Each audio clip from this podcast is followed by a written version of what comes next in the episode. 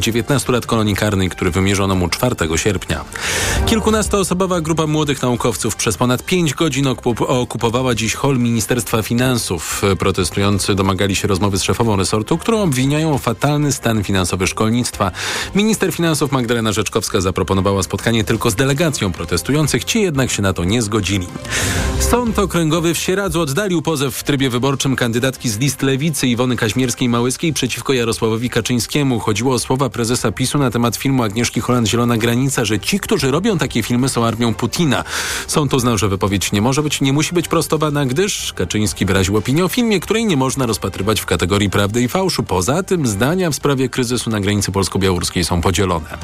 Speaker kanadyjskiej Izmy Gmin Antoni Rota ustępuje ze stanowiska w związku z uhonorowaniem w parlamencie ukraińskiego weterana dywizji SS Galicjen Jarosława Hunki. W obecności ukraińskiego prezydenta Wołodymyra Załońskiego speaker nazwał Hunkę ukraińskim bohaterem, kanadyjskim bohaterem, któremu dziękujemy za jego służbę, jakoś nie kojarząc w jakich szeregach walczyło się w czasie II wojny światowej z radziecką Rosją.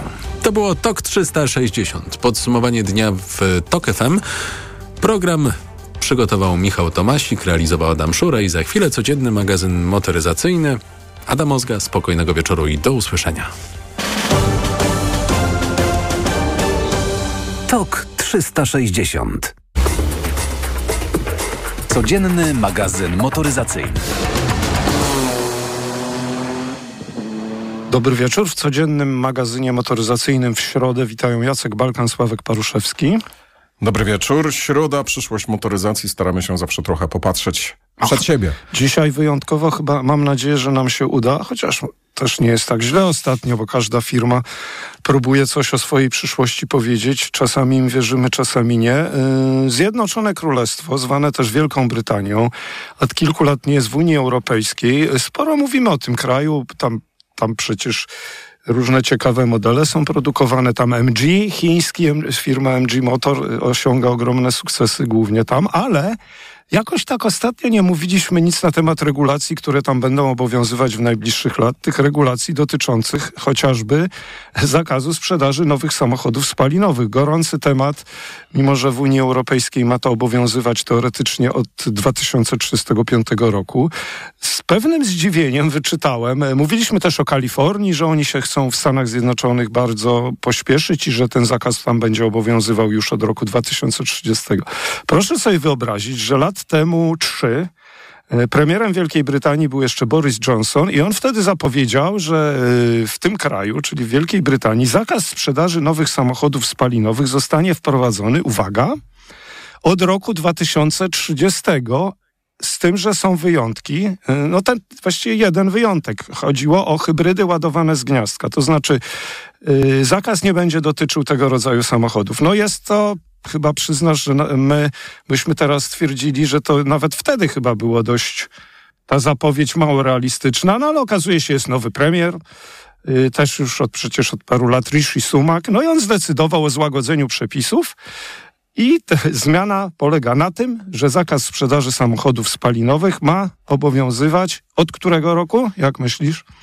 35. No właśnie, czyli nie chcą tutaj specjalnie się wychylać przed szereg, nie chcą też być maruderami i stwierdzić, że my się nie wyrobimy i zrobimy to w 40.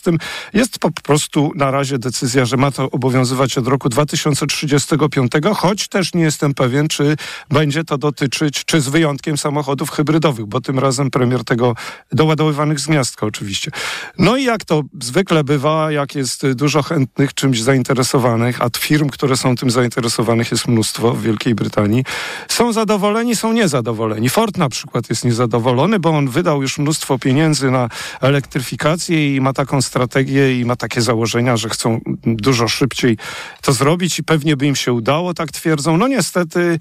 Yy, znaczy niestety dla nich, no pewnie dla klienta to jest dobra wiadomość. Yy, będzie 2035, natomiast bardzo zadowolona jest Toyota, to też ogłoszono, bo um, Toyota tak się nie śpieszy z tą elektryfikacją. Oni czekają na to, jak y, opracują już tak naprawdę mm, nie, niekoncepcyjnie, tylko tak produkcyjne ogniwa ze stałym elektrolitem, czyli takie nadające się do włożenia pod maskę. No i tyle po prostu. Jak zwykle są i zadowoleni, i niezadowoleni, ale najważniejsze jest to, że nastąpiła zmiana decyzji Borisa Johnsona.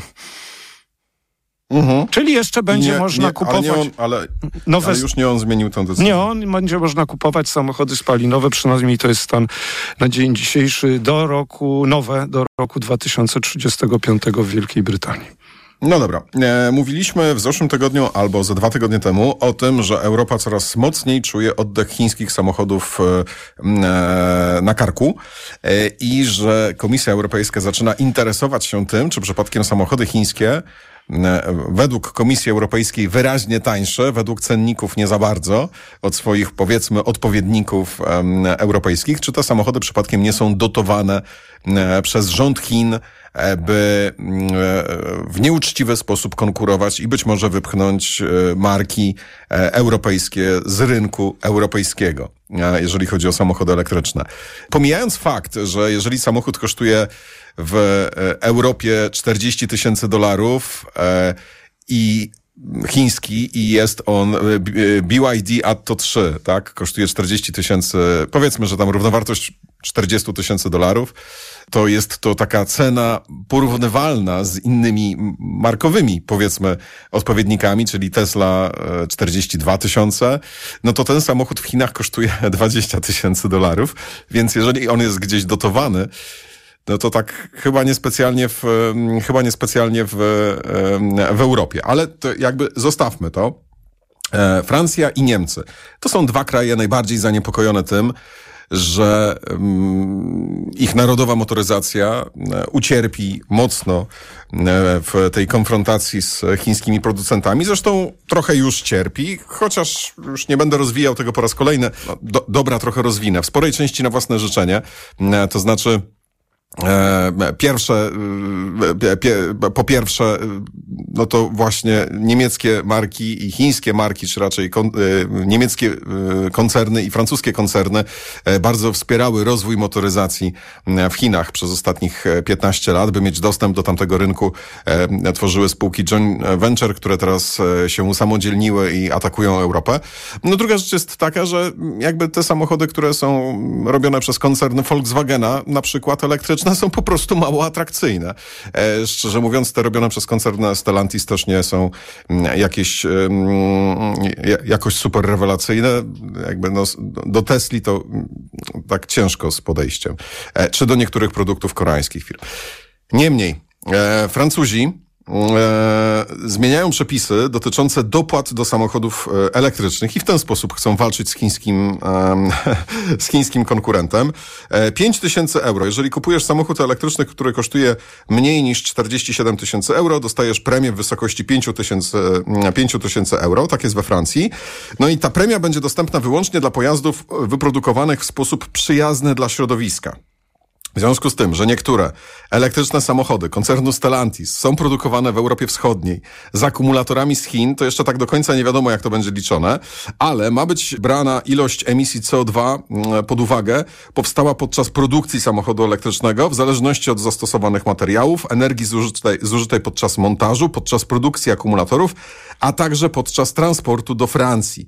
Co jest kluczowe, dlatego że jakby tego nie, mm, nie liczyli, to na pewno wyjdzie tak, że chińskie samochody są nieekologiczne i w związku z tym będą przynajmniej o te 5 tysięcy euro e, droższe, w sensie nie będą tańsze e, od e, konkurentów, które są robione e, w Europie. Będziemy o tym mówić przez najbliższy rok albo przez najbliższe dwa lata.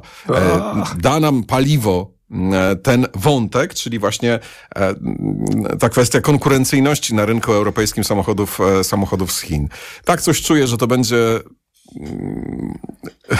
To że będziemy o tym często mówić. będziemy o tym mówić pewnie bez końca, tylko wiesz, to te różne decyzje oczywiście w Europie mogą opóźnić wejście samochodów chińskich yy, na nasz kontynent, ale no, tego nie zatrzymają. Zresztą nie taki jest cel tego. No, Chińczycy sobie poradzą. Zresztą Europa to jest nie jedyny kontynent. To jest chyba jedna, z tego co ostatnio liczyliśmy, jedna szósta czy jedna siódma sprzedawanych nowych samochodów na świecie.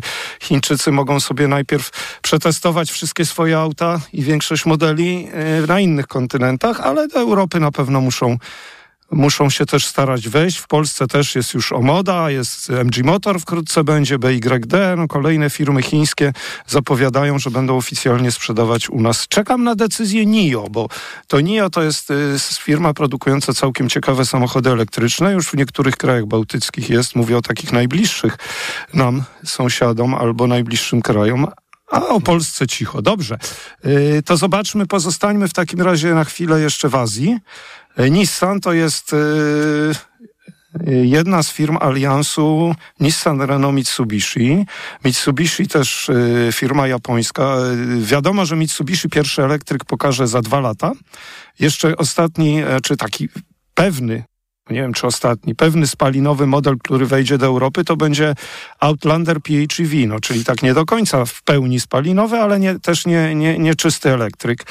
E, natomiast Nissan tutaj chyba gra pierwsze skrzypce, no w końcu nie bez powodu. Nissan Leaf od 13 lat produkowany, mm, więc prezes Nissana Makoto, Makoto Uchida yy, zabrał głos Prezesi często zabierają głos i słuchamy ich z dużym zainteresowaniem, chociaż czasami sobie zaprzeczają co pewien czas. No ale tym razem stwierdził, że nie ma odwrotu od elektryfikacji, świat będzie odchodził od silników spalinowych. A do konkretów, jakby przeszedł, czy przeszedł w ogóle do konkretów, to jest wywiad udzielony Financial Times dziennikowi. No i z konkretów wiemy tak, że mm, pierwszy nowy zupełnie model elektryczny pojawi się dopiero niestety za trzy lata w 2026 roku i wiesz co to będzie? To będzie Nissan Micra elektryczny.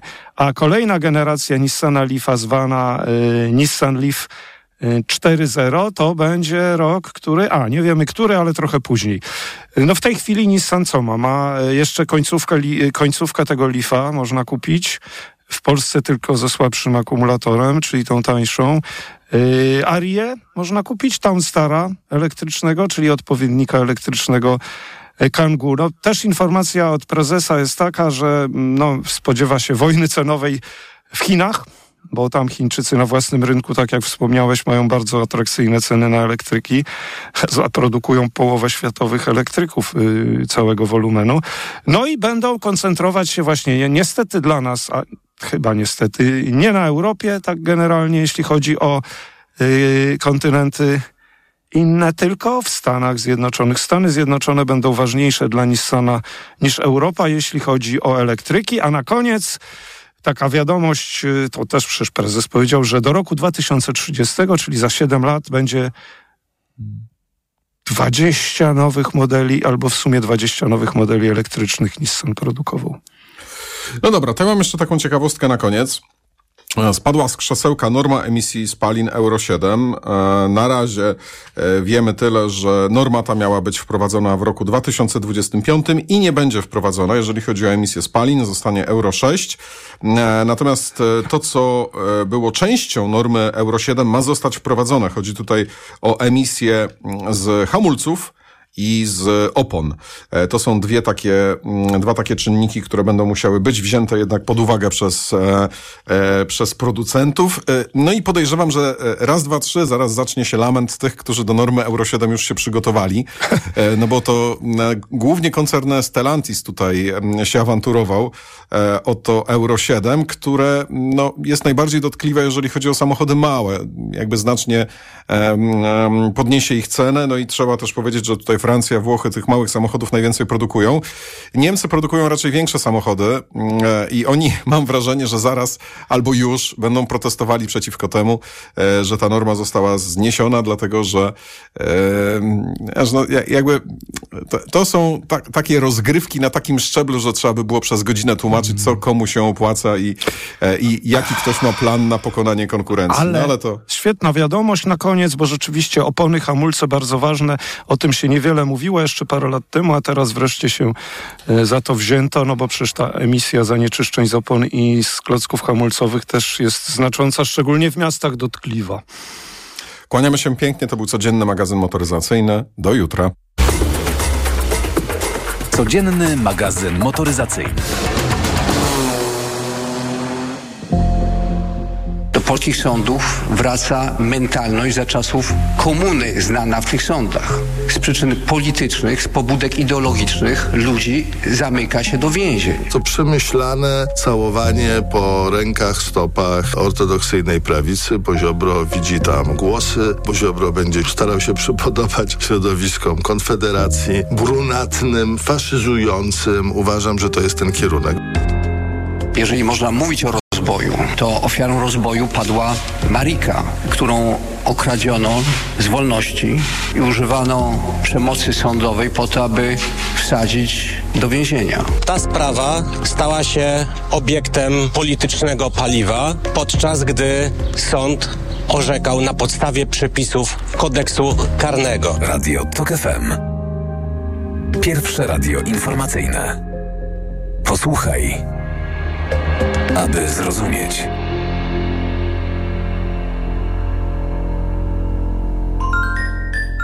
Najstarsza profesja świata to narzędziowiec. Owczarek. Od poniedziałku do piątku od dziesiątej. Reklama.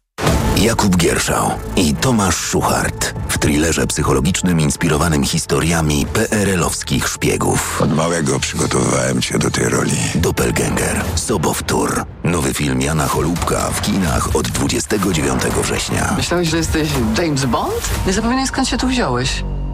Kiedy mój Tadzio zaczyna chorować, nie czekam aż infekcja się rozwinie. Od razu sięgam po odpowiedni lek. Wybieram Lipomal. Syrop z wyciągiem z lipy przeznaczony do stosowania w pierwszej fazie infekcji. Lipomal to sprawdzone rozwiązanie, które wspomaga w stanach gorączkowych, przeziębieniu i kaszlu. Syrop 97 mg na 5 ml. Wyciąg suchy z lipy na potnie w stanach gorączkowych. Przeciwwskazania. Nadwrażliwość na którąkolwiek substancję produktu. Aflofarm. Przed użyciem zapoznaj się z treścią ulotki dołączonej do opakowania, bądź skonsultuj się z lekarzem lub farmaceutą, gdyż każdy lek niewłaściwie stosowany zagraża Twojemu życiu lub zdrowiu. Z planerem okazji w Lidl Plus aż 50% taniej. Dziś płyn do mycia naczyń Fery. Najniższa cena z 30 dni przed obniżką 12,99. Teraz z kuponem Lidl Plus 50% taniej. Tylko 6,49 za opakowanie przy zakupie dwóch. Szczegóły promocji dostępne w aplikacji.